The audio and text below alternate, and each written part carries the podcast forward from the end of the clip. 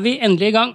Og det er som alltid en sann glede å ønske hjertelig velkommen til en ny episode av Bærepodden. På vegne av oss til Footstep så vil jeg ønske alle kjente og kjære, faste lyttere, nye lyttere, gode venner og venner vi ikke har møtt enda, et riktig godt år. Og det året skal vi i Bærepodden etter beste evne forsøke å fylle med flere konkrete historier, gode eksempler og spennende gjester som går foran og viser lederskap på veien mot et bedre og mer bærekraftig samfunn. Jeg heter Håkon Sveen, og med meg i studio så har jeg som alltid min gode venn og kollega Sigurd Erisland. Og Sigurd, hvordan går det? Eh, noe du har lyst til å dele med oss på begynnelsen av året? Jo, takk for det, Håkon. Uh, ja, det, det, det, går bra. Uh, men aller først, takk for en god innledning, som alltid. Og så må jeg også få lov til å si riktig godt nyttår til alle sammen, selv om vi nå er et godt stykke ut i januar allerede. Når det er sagt, da, så går det veldig bra. glad for å komme i gang igjen. det er fortsatt altfor lite snø for de store skiopplevelsene, men jeg har på følelsen at nå er det noe som er i ferd med å skje. Ja, Det er mulig vi har eh, litt ulike definisjoner på hva som er lite og mye snø, Sigurd. For en sommergutt som meg, så er eh, snø opp til dørhåndtaket, det, det, det, er mye. Eh, ja, det, nå er det ganske langt unna snø opp til dørhåndtaket nå, altså. Så det, um, ish. Ja, ish. Ja.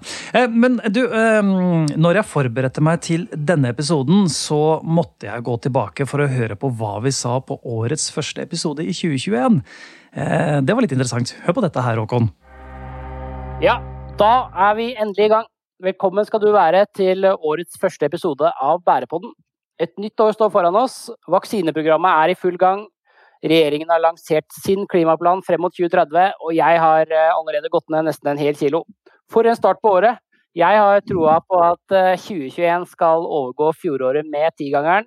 Og det er flere av oss, eh, eller hva sier du, Sigurd? Det der var ikke særlig ambisiøst, Håkon. Eh, det å overgå 2020 er vel strengt tatt det, det, det, det, skal ikke så mye til.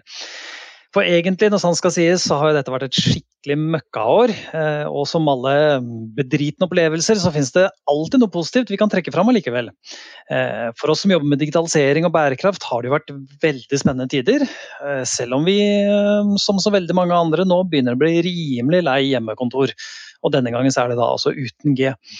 Men det aller mest gledelige er å se at eh, næringsliv nå tar grep og ser viktigheten av gode og digitale, om ikke minst bærekraftige løsninger. Jeg må innrømme at når jeg hører på dette, så, så, er det tydelig at livet egentlig har stått eh, ganske mye på vent. Eh, dette kunne vel strengt tatt vært innledningen for dagens episode også? Det kunne det, ja. Det, det blei tydelig der, jeg er enig i det. Jeg uh, gikk riktignok ned én kilo, da, men den la jeg på meg igjen i løpet av året, så det er status quo der, altså. Se der, ja. ja. Eh, men eh, mens mange av oss føler at livet står på vent og fokuset kanskje er eh, mest rettet mot karantene, ikke-karantene, antall vaksinedoser, så skjer det allikevel store ting i kampen for et mer rettferdig og bærekraftig samfunn.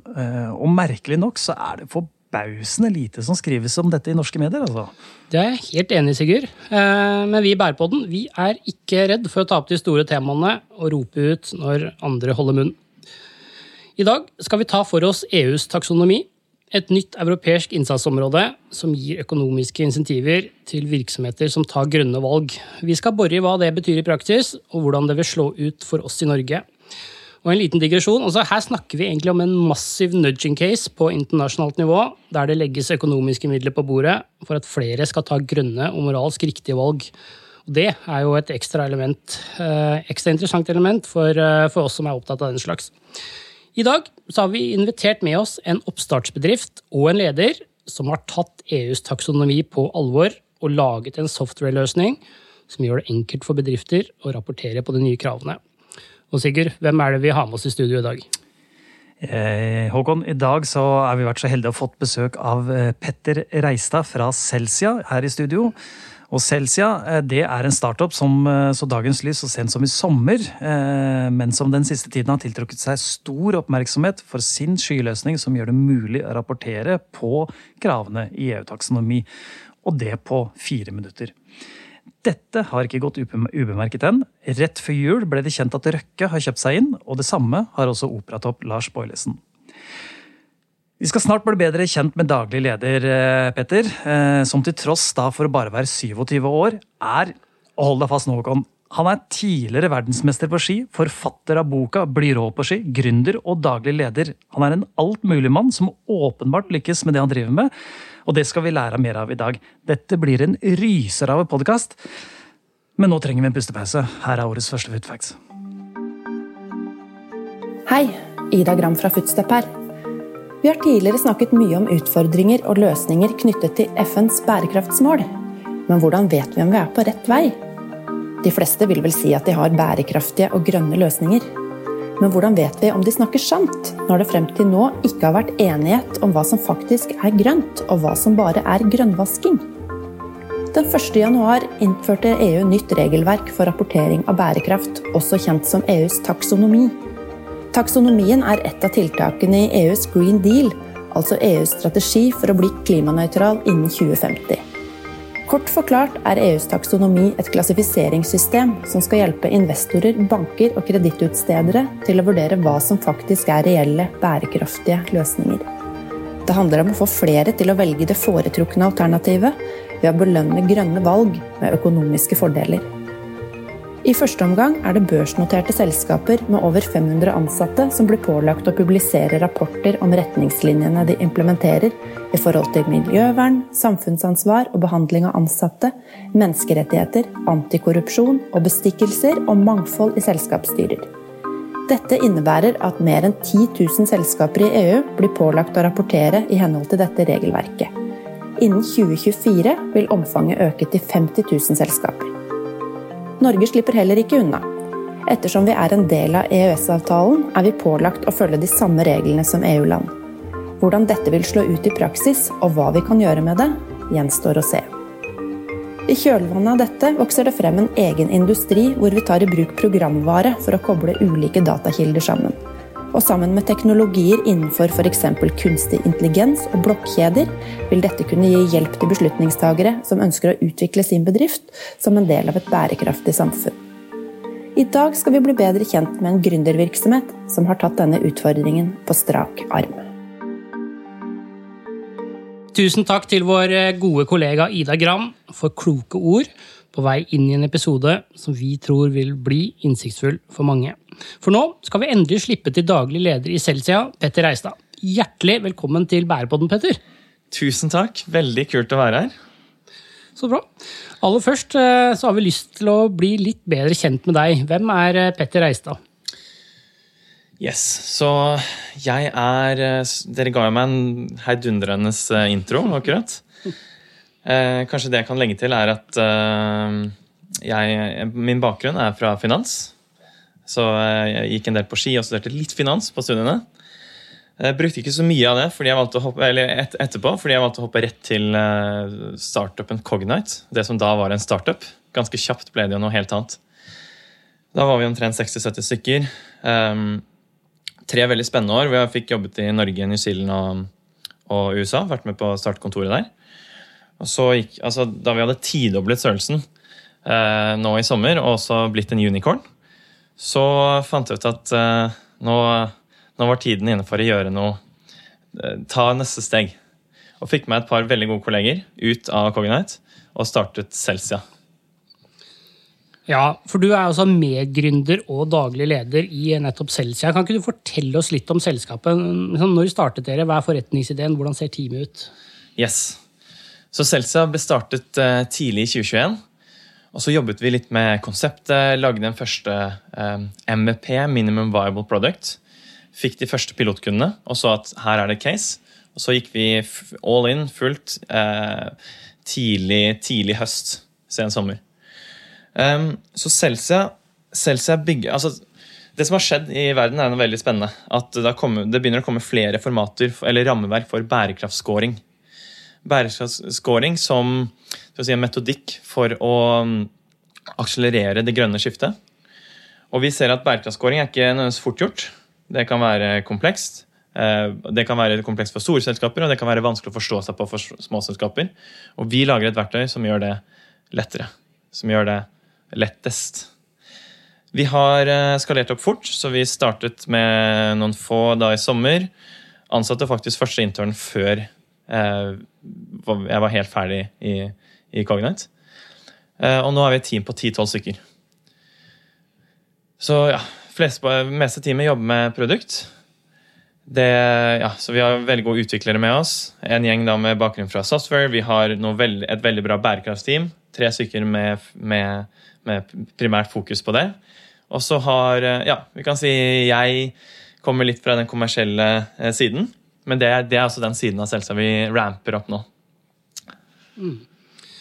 Så dere har altså en, en løsning eller mm. tjeneste om du vil, som, som, gjør at bedrifter skal kunne rapportere i henhold til EUs taksonomi. Men liksom, hva er egentlig det? Da Gi oss en innføring med, med teskje. Yes. Så EUs taksonomi um, dette, altså, EU har EU og egentlig verden har satt seg ganske ambisiøse mål for karbonnøytralitet i 2050. Og da med en veldig stor reduksjon innen 2030. Men for å komme dit er vi avhengig av um, ikke bare gode intensjoner, men veldig mye penger. Altså Vi må bruke kjempemye penger på å komme oss dit. Vi må virkelig investere. Vi må sørge for at penger i økende grad går til mer bærekraftige prosjekter, og at bærekraftige selskaper får bedre kapitaltilgang, altså billigere lån, um, flere investorer etc. EUs taksonomi er et klassifiseringssystem for bærekraftig finans og et forsøk fra EU på å si, knytte sammen eh, bærekraft og finans på en måte som, eh, som eh, vi ikke har sett lignende tidligere. Og det er en parallell jeg liker å dra, da, fordi rapportering er ikke så Jeg, jeg syns rapportering er litt feil um, inngangsvinkel, siden rapportering høres så reaktivt ut. Men det er noe veldig proaktivt ved taksonomien. Uh, så parallellen til kredittrating er ganske kul. Kredittrating, hva er det? Jo, det var et system som gjorde at det var ikke lenger dressen din, eller om vi kjenner sjefen din, eller ikke sant, disse random faktorene som gjorde hvilket lån, hvor godt lån selskapet ditt eh, fikk. Det var basert på en rekke parametere. Det ble gått gjennom og skåret på si, et uh, ganske en generisk metodikk. Og på samme måte eh, som da kredittretting har gjort at risk og bærekraft, nei, beklager, risk og finans har blitt knyttet sammen på en helt annen måte enn det som var tilfellet tidligere, og egentlig er veldig definerende for kapitaltilgangen til selskaper i dag, og enkeltpersoner, særlig i USA, er det en kjempestor greie, så tror jeg vi kommer til å se at taksonomien baner vei for bærekraft eh, nå får den samme, altså på samme måte blir, kommer til å bli tett knyttet opp med finans. Og, og vi ser vel eh, kanskje allerede også at, at ulike finansinstitusjoner, banker osv. gir bedre betingelser på lån til eh, oppstarter eller til, til bedrifter som, som, kan vise til at de nettopp bidrar, da, som du sier, og har denne kredittredningen. Yes, vi begynner å se det. Så vi begynner å se at det slår ut på bunnlinja. Om du er god på bærekraft. Mm. Men eh, det som er litt sånn interessant, er at eh, dette her er jo EU-taksonomi. Mm, eh, mm. Norge er jo i utgangspunktet ikke en del av EU. Eh, så hva, altså, hva, får dette å si for norske bedrifter? Selv så er en norsk eh, startup. Og så eh, Ja, hvordan, hvordan, påvirker dette oss? Så det som er ganske fascinerende, for her er monitorert søkehistorikk litt over det siste året. Og Norge er faktisk det landet i Europa, etter Luxembourg, som har søkt mest på EU-taksonomien. Utrolig rart, ikke sant? Fordi vi er jo utenfor EU. Men jeg tror kanskje det er en kombinasjon at altså, norske selskaper er ganske på ballen når det gjelder bærekraft. Det er det ene. Og så er vi vant med at altså Vi vet at ting som kommer fra Brussel, eh, påvirker oss også. Vi har kanskje fått det enda mer opp i pannebrysken enn det, det EU-land som på en måte er del av mølla, ja. tenker. Mm. Så, så for, for, å ta det helt konkret. Um, vi, er, vi, er, ikke med i EU, men gjennom EØS så gjelder jo det som gjelder EU også her. Så nå er altså EU-taksonomien i ferd med å tas inn i EØS-pakka. Si, det er allerede tatt inn i norsk lov.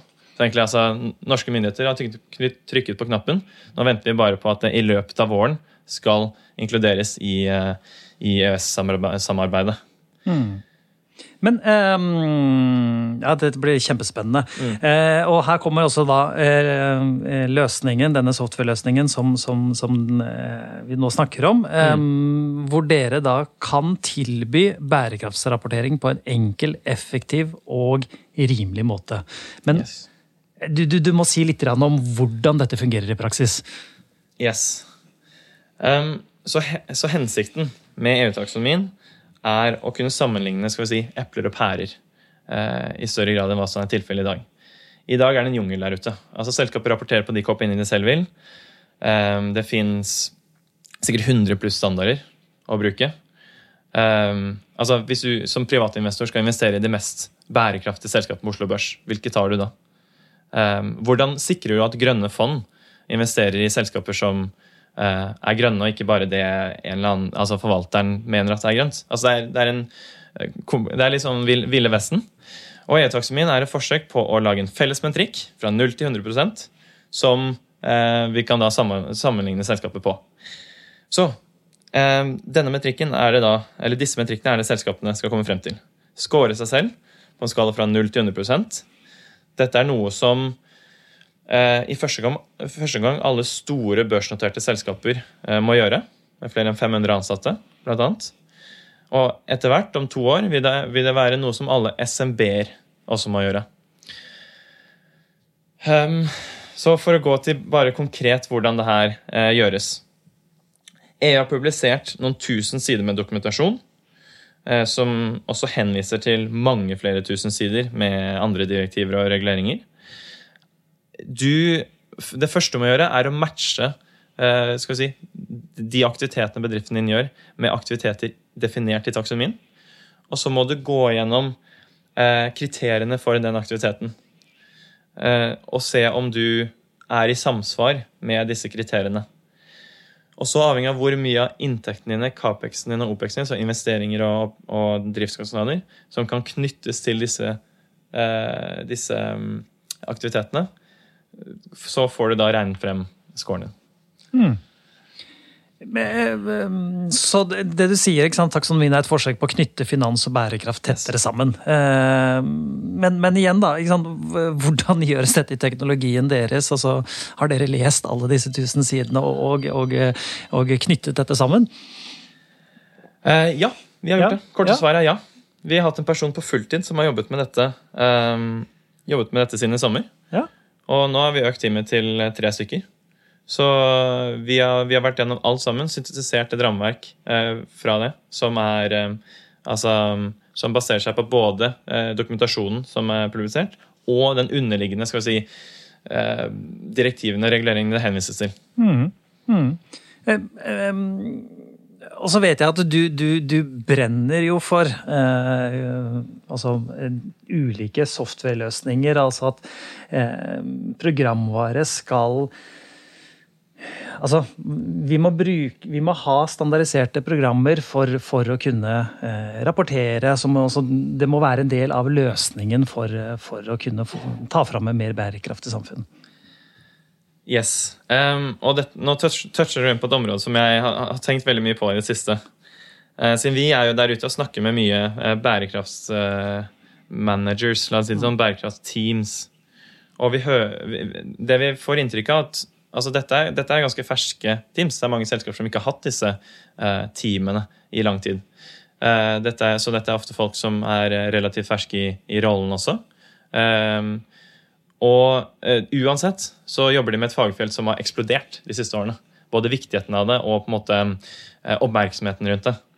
Så um, uavhengig av hvor lenge de har eksistert, så ser vi at uh, budsjettene for software og skal vi si fokuset på programvare, og egentlig programvaren i seg selv altså det har ikke fantes så mye programvare tidligere, det, det er i ferd med å øke veldig mye nå. Mm. Og man ser at akkurat som Finansteamet har mange programvarer. De har et budsjett, de har masse lisenser. HR-teamet eh, har dette. De har forskjellige programvarer for sant, rekruttering, for å manage ansatte. altså disse forskjellige tingene. Så ser vi at det samme skjer på bærekraft. Bærekraft er ikke én ting. Det er ikke én ting du trenger én programvare for å løse. Det er et felt med mange eh, områder hvor, du, hvor, man trenger spesialisert programvare, siden det er ikke realistisk å finne ett som løser alt. Akkurat som det ikke har vært det på noen andre områder i skal vi si, businessverden. Mm. Så, så, akkurat sånn som vi snakker om fintech og vi snakker om edutech osv., så, videre, så er det et eget område innenfor bærekraft og teknologi. da. Ja, ikke sant? Og, og de som, de som eh, er litt inne i bærekraft, de vil jo ikke anerkjenne at eh, kar, la oss si karbon, eh, karbonregnskap er, kan være veldig forskjellig fra den supply chain, human rights to diligence delen veldig mange selskaper gjør, og som nå blir hyperrelevant med åpenhetsloven som kommer i Norge til sommeren. Og igjen er det flere andre områder. Kanskje opp mot rapportering er et område. Bærekraftsskåring er i økende grad et område. Så um, jeg tror de som vil ha den beste skal vi si, stacken på bærekraft, de bør ikke se etter én software for å løse alt. De bør se etter nettopp en stack mm. med software som løser hvert sitt område på en skikkelig god måte, og helst snakker sammen. Mm. Mm. Tror du at vi med vår kompetanse her i Norge er eh, bedre eller dårligere rustet til å kan vi si, ta, ta en del av kaka da, i, i, det markedet? Ja, altså vi, eh, vi er i hvert fall godt rustet til å ta det i bruk. Mm. Og så tror jeg også vi er ganske godt rustet til å, til å lage verktøyene som også resten av verden kan bruke. Og det, det er litt pga. to ting. Vi ser at digital og tech i økende grad er noe som vi er gode på i, i Norge. Vi, jeg tror det vi, det vi, ser nå i kjølvannet av sant, lokomotiver som, som Cognite, eh, hvor det nå jobber sant, 700 stykker, eh, utrolig mye flinke folk eh, og sant, Når du bygger opp sånne, akkurat som det som skjedde tidlig i Silicon Valley, store tech powerhouses, så får du en liten altså du får en, Det vokser frem et lite økosystem, eller flora, eh, kanskje litt rundt, men mest i kjølvannet av disse. Eh, og andre faktoren er at altså, vi er gode på bærekraft i Norden. Vi bryr oss mye om det. Og vi, vi, vi ser etter gode løsninger, tror jeg, ganske kjapt mm. for å løse den slags. Ja, takk for en uh, spennende fortelling, Petter. Så har dere også fått med store investorer på laget. Fortell mm. oss om det. Ja, nei, vi har vært så heldige å, å få med noen veldig flinke um, skal vi si, Eh, ja, investorer som, eh, som, som, allerede har bidratt med, med, veldig mye. Vi ble første investeringen til eh, Akers nye venturekapitalfond, Runway Fornebu. Og de har nå vurdert 250 forskjellige caser og gjort én investering. Så det er vi veldig stolte av. Og så har vi fått med oss Firda Seed, som er Geir Førres relativt ferske tidligfases eh, venture-fond. Og De har en fantastisk track record, så veldig kult å være en del av den porteføljen. Og så har vi fått med oss Startup Lab, som, eller Startup Lab sitt eh, founder-fond. Hvor det da er masse norske gründere og eksgründere som er investert. Og I tillegg, som du nevnte også i introen, Lars Boilesen, Thomas Falk. Et par skal vi si, long time, supererfarne typer som altså jeg ringer annenhver dag, hver uke i hvert fall. Eh, så, så, nei, det er en topp kombo. Og det er utrolig kult å ha sånne å lene seg på og kunne spare med. Eh, når vi sant, hele tiden står oppi ting som jeg aldri har stått oppi før. ja, altså Vi kan på mange måter si at måte, grunnmuren for uh, selskapet er lagt. Og 2022 blir da kanskje et avgjørende år for dere. Hva, hva, liksom, hvor er dere nå, hva er, og hva er fremtidsplanene? Yes, så 2022 er et fantastisk spennende år, siden det er nå denne EU-taksonomien, grunnlaget for bærekraftskåring, trer i kraft. EU ønsker at EU eh, e og norske myndigheter, Finansdepartementet, eh, ønsker nå at selskaper, eh, store selskaper på børsen rapporterer for regnskapsåret 2021 hvor bærekraftige de er. Vi har verktøy som er altså ledende verktøy på markedet. I hvert fall like godt som noen konkurrent. Eh, så vi syns det er en eh, ganske spennende skal vi si, eh, et spennende år som kickes av. Og vi gleder oss til å komme opp i full fart til ja. Så, så skal vi si Planen for 2022 er å, er å eh, ta et stort steg videre i vår teknologiske utvikling. Kanskje bredde oss ut litt mer. Eh, jobbe mer med integrasjoner mot finanssystemer, mot andre softwares. Og skape en mer komplett eh, pakke sammen med partnere for våre kunder. Eh, og fortsette å bygge et eh, ja, utrolig kult eh, team som vi har Som det er, veldig, veldig, er veldig, allerede nå veldig artig å jobbe med hver eneste dag. Mm.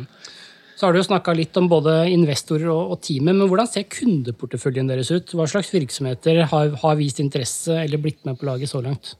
Altså det, det som jeg syns er veldig kult, og kanskje et eksempel på hvor hvor eh, skal vi si, bærekraftsavvy eller frempå vi er i Norge, er at to tredjedeler av porteføljen vår er selskaper som ikke må gjøre det her. Mm. Det er selskaper som ikke er på børsen, som bare tenker at vi skal være frempå. Vi skal være frontrunners. Vi skal ta i bruk denne nye metodologien. Og vi vil gjøre det på en effektiv måte. Uh, og disse kundene altså, Det er ikke bare PR-stunt. Dette er både genuin si, interesse for å, ta, for å gå i riktig retning sammen med verden. Det er noe de bruker inn mot banken altså for å faktisk få bedre lånebetingelser. Vi har sett kunne gjøre det.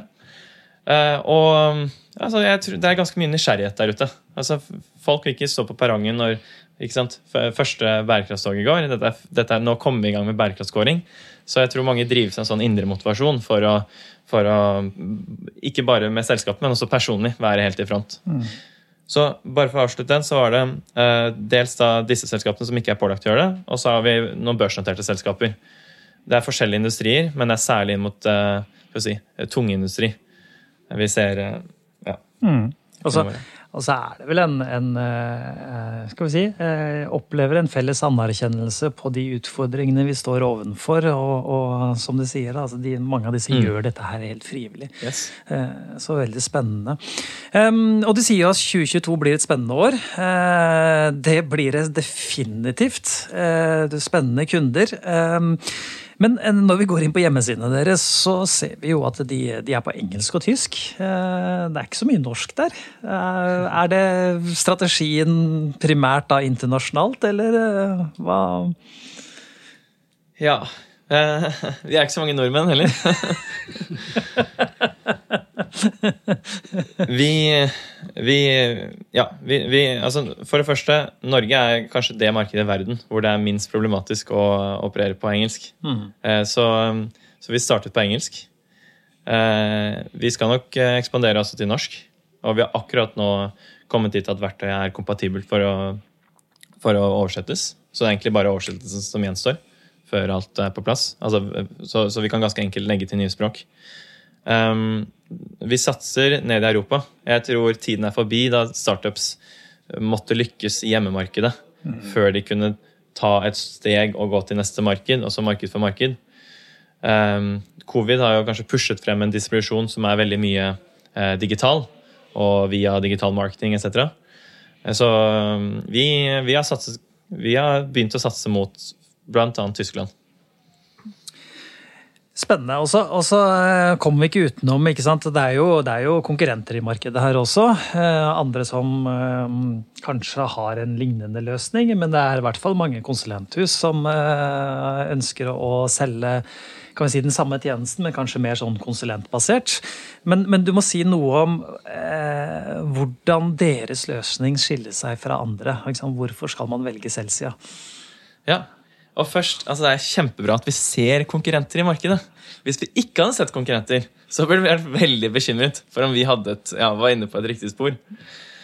Um, grunnen til å velge Celsia? um, Jeg vil si uh, det er flere. Men først og fremst at vi har et fantastisk bra produktteam. Og vi er nok, uh, altså vi er nok det verktøyet uh, innenfor vår kategori som gjør de største investeringene i, i produkt. Så um, vi har, altså, vi har, tatt opp, eh, vi har tatt igjen og passert eh, flere av konkurrentene våre. Selv om vi bare har um, vært til et halvt år. Og den farten skal vi fortsette med. Mm. Når det gjelder konsulenter, så er altså, konsulenter er veldig aktive i det her. Um, men, men, jeg tror vi må begynne å tenke altså, Det er ikke noen motsetning der. Fordi det, det, finnes selskaper som bruker fiken. Um, altså regnskapsverktøyet fiken. Og greier å gjøre dette på egen hånd. Men de aller fleste gjør ikke det. Så det er ikke en motsetning mellom en regnskapsfører og et regnskapssystem. Tvert imot. Alle bruker begge deler. Så um, vi ser at uh, altså vi samarbeider med flere konsulentpartnere. Vi tror at det kan være altså, kjempe, altså kjempespennende samarbeid. Uh, nettopp fordi vi ser at uh, dette er noe som selskaper øns virkelig ønsker å ikke bare trekke, men bli bedre på. Strategisk jobbe altså i riktig retning. Og der er det veldig verdifullt å ha med den ekspertisen og den skal vi si, skreddersømmen du kan få av konsulenter. Mm. Ja, ikke sant? Hvordan du skal bruke de, mm. de tallene som det kommer ut fra, fra, fra Celsia, da, til å, å, implementere det i resten av ja, den spesifikke organisasjonen. Få en bedre score, ta mm. selskapet i en retning der det altså, eh, både kan bedre bunnlinja, være bedre, mer bærekraftig, ta verden i, i riktig retning. Mm. Ja, Veldig spennende. Eh, men eh, du må også si noe om eh, hva, hva, eh, hva vil du anbefale norske bedrifter å gjøre nå? Ja, um, der, der, der, tenker jeg at um, bærekraft er ikke det området du har lyst til å gjøre i siste liten. Eller eh, ta helt på tampen. Eller liksom siste måned før du faktisk må rapportere din score. Finne ut hva den egentlig er.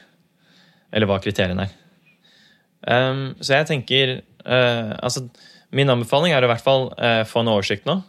Uh, selv om du kanskje ikke er pålagt å, å rapportere tall allerede nå. Um, slik at du vet hva som, hva som venter. Uh, altså Nå har du ett til to år på kanskje forbedre scoren din ganske mye. Kanskje bare er små, uh, altså små, kriterier som du ikke er compliant med. Uh, som gjør at du kan få en helt annen score enn det du, det du ellers ville fått. Så begynn reisen nå. Hvis du vil være en frontrunner, altså tidlig ute på ballen, så ville jeg begynt å score. Altså Det er et sett med ting jeg ville gjort. Jeg ville rapportert eh, karbonutslippene mine eller, eh, som et selskap. Jeg ville gjort en grundig eh, vurdering av supply chain og sørge for at eh, du så tidlig som mulig er compliant med f.eks. det som kommer i åpenhetsloven. Um, og så ville jeg scoret selskapet mitt.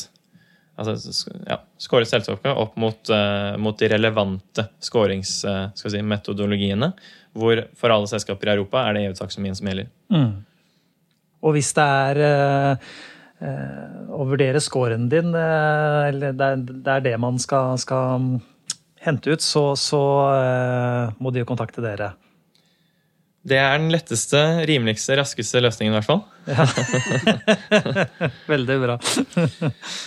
Så starta dere så sent som i sommer, og det har på en måte åpenbart skjedd veldig mye på et halvt år. Petter. Hva, hva, er de viktigste læringspunktene du har tatt med deg fra den oppstartsfasen, som andre med en gründer i magen også kan lære av? Uff. um, hvis du har en gründer i magen, så tenker jeg Altså, um, ja, det det var egentlig derfor jeg begynte i Cognite i første omgang.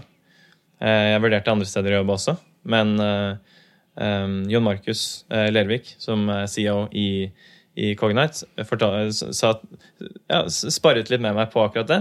Og utfordret meg på om jeg egentlig ville lære å starte uh, selskap av jobb i f.eks. bank, som var en av de andre tingene jeg vurderte. Og Det tror jeg han hadde helt rett i, at den, den pathen ville kanskje ikke lede til en startup. Så jeg er veldig glad, veldig glad jeg begynte i, i Cognite, og jeg tror litt det kanskje tipset mitt er.